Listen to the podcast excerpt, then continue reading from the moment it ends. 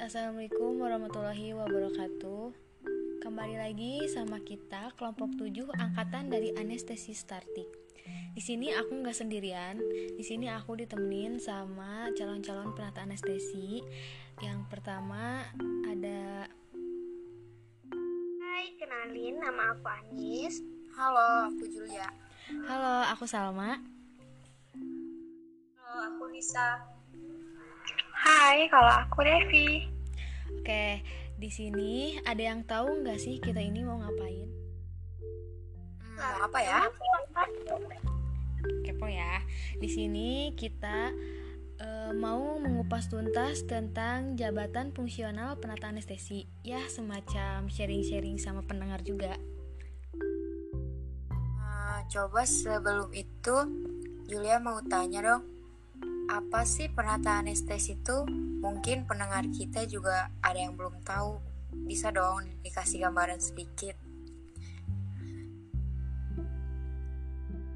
Jadi, kalau menurut Nisa sendiri ya, penata anestesi itu setiap orang yang telah lulus pendidikan di bidang keperawatan anestesi atau penata anestesi sesuai dengan ketentuan perundang-undangan.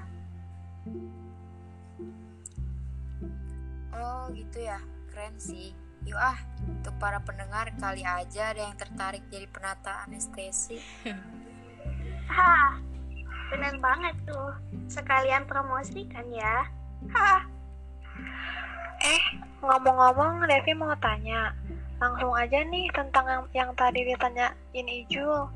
Nah, pasti ada lah ya peraturan dan undang-undangnya di antara kalian nih. Ada nggak sih yang bisa menjelaskan pasal dan undang-undang jabatan fungsional penata anestesi supaya pendengar lebih tahu aja gitu?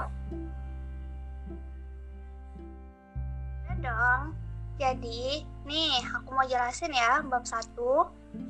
Jadi di bab 1 pasal 1 itu membahas tentang aparatur sipil negara yang biasa disingkat ASN adalah profesi bagi pegawai negeri sipil dan pegawai pemerintah dengan perjanjian kerja yang bekerja pada instansi pemerintah.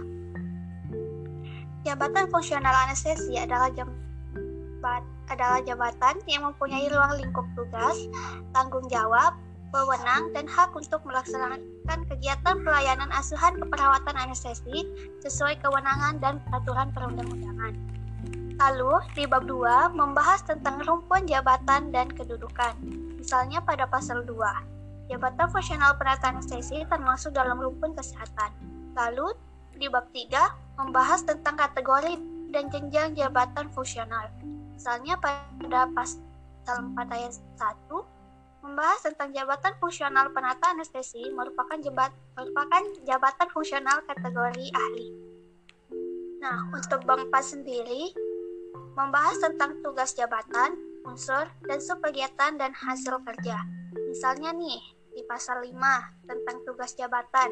Jadi, tugas jabatan fungsional penata anestesi yaitu melakukan pelayanan asuhan kepenataan anestesi dan membantu pelayanan anestesi. Hmm, sebenarnya apa sih tugas dari penata anestesi itu sendiri? Mari kita bahas. Yang pertama, ada yang dinamakan dengan pra-anestesi. Jadi, penata anestesi di sini. Jadi, penata anestesi di sini melakukan penyusunan rencana kerja harian, melakukan penyusunan daftar permintaan kebutuhan alat, kebutuhan obat, dan kebutuhan bahan anestesi, dan melakukan pengkajian penata laksanaan pada pra-anestesi. Lalu yang kedua ada dinamakan dengan intra-anestesi. Jadi, tugas penata anestesi di sini adalah melakukan tindakan intubasi, melakukan pelayanan terapi inhalasi, dan melakukan tindakan anestesi sesuai dengan koreksi dokter anestesi. Lalu yang ketiga ada yang dinamakan dengan pasca anestesi. Tugas penata anestesi di sini, di sini adalah melakukan pendokumentasian pemakaian obat-obatan dan alat kesehatan yang dipakai. Terus terus selain dari bab 1 sampai 5 masih ada nggak? Ada dong, Dev. Di bab 7 menjelaskan tentang pendelegasian pengangkatan dalam jabatan yaitu ada pada pasal 17. Pejabat membina kepegawaian dapat mendelegasikan kepada jabatan yang ditunjuk di lingkungannya untuk menetapkan pengangkatan dalam jabatan fungsional penata anestesi selain jabatan fungsional penata anestesi ahli media. Pendelegasian sebagaimana dimaksud pada ayat 1 paling rendah pejabat pemimpin tinggi pratama. Nah, di bab 9 ini menjelaskan penilaian kinerja, yaitu ada pada pasal 19 pada awal tahun, setiap pejabat fungsional penata anestesi wajib menyusun sasaran kerja pegawai atau SKP yang di, yang akan dilakukan dalam satu tahun berjalan. SKP pejabat fungsional penata anestesi disusun berdasarkan ketetapan kinerja unit kerja yang bersangkutan. Nah, di bab 10 ini menjelaskan pejabat yang berwenang menetapkan angka kredit tim penilai dan pejabat yang mengusulkan penetapan angka kredit yaitu ada pada pasal 28 Direktur Jenderal yang membidangi upaya kesehatan Kementerian Kesehatan bagi penata anestesi ahli media pangkat pembina tingkat 1 golongan ruang 6B sampai dengan pangkat pembina utama muda golongan ruang 6C di lingkungan Kementerian Kesehatan instansi pusat selain Kementerian Kesehatan provinsi dan kabupaten atau kota. Jadi gitu deh. Terus ada di bab 11 yaitu penilaian dan penetapan angka kredit. Di sana ada pasal 27 tentang penilaian dan penetapan angka kredit dilakukan sebagai bahan pertimbangan dalam penilaian kinerja pejabat fungsional penata anestesi. Terus di sana ada bab 13 yaitu kenaikan pangkat dan kenaikan jabatan. Di sana ada pasal 36 yang berisikan tentang persyaratan dan mekanisme kenaikan pangkat fungsional penata anestesi ketentuan peraturan perundang-undangan. Terus ada bab 14 yaitu pelatihan pasal 38 untuk meningkatkan kompetensi dan profesionalisme pejabat fungsional penata anestesi yang diikutsertakan pelatihan. Terus di sana ada bab 15 yang berisikan tentang kebutuhan PNS dalam jabatan fungsional penata anestesi.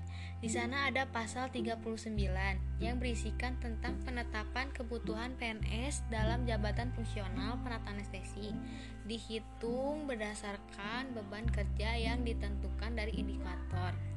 Antara lainnya di sana tuh ada ruang lingkup bidang kesehatan, jumlah kamar operasi pada fasilitas pelayanan kesehatan, jumlah pelayanan tindakan anestesi, sama beban tugas organisasi yang terkait dengan bidang pelayanan anestesi.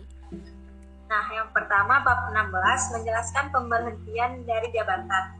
Pasal 40 yaitu pejabat fungsional penata anestesi diberhentikan apabila yang pertama diberhentikan sementara sebagai PNS dan yang kedua menjalani cuti di luar tanggungan negara.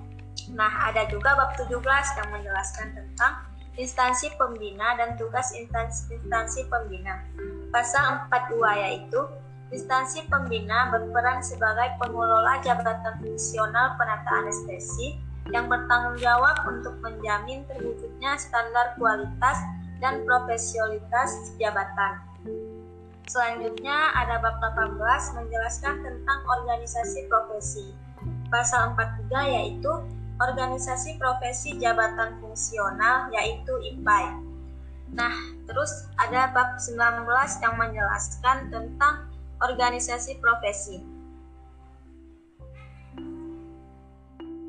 Pasal 45 untuk berpentingan organisasi dan pengembangan karir pejabat penata anestesi dapat dipindahkan ke dalam jabatan lain sesuai dengan ketentuan peraturan perundang-undangan dengan persetujuan pejabat pembina kepegawaian. Jadi sebenarnya pasal-pasalnya itu masih banyak, tapi kita cuma jelasin secara singkat aja. Oh gitu ya. Ya udah deh, makasih ya. Sekarang kalian udah tahu kan, pendengar kita juga udah tahu. Eh, Tahu tentang penataan anestesi, tentang jabatannya, pasal-pasalnya, beserta undang-undangnya. Oke, mungkin dicukupkan saja edisi mengupas tuntasnya bermanfaat untuk kita semua. Terima kasih untuk kakak-kakak dari calon penata anestesi. Sampai bertemu di lain waktu. Assalamualaikum warahmatullahi wabarakatuh. Waalaikumsalam warahmatullahi wabarakatuh.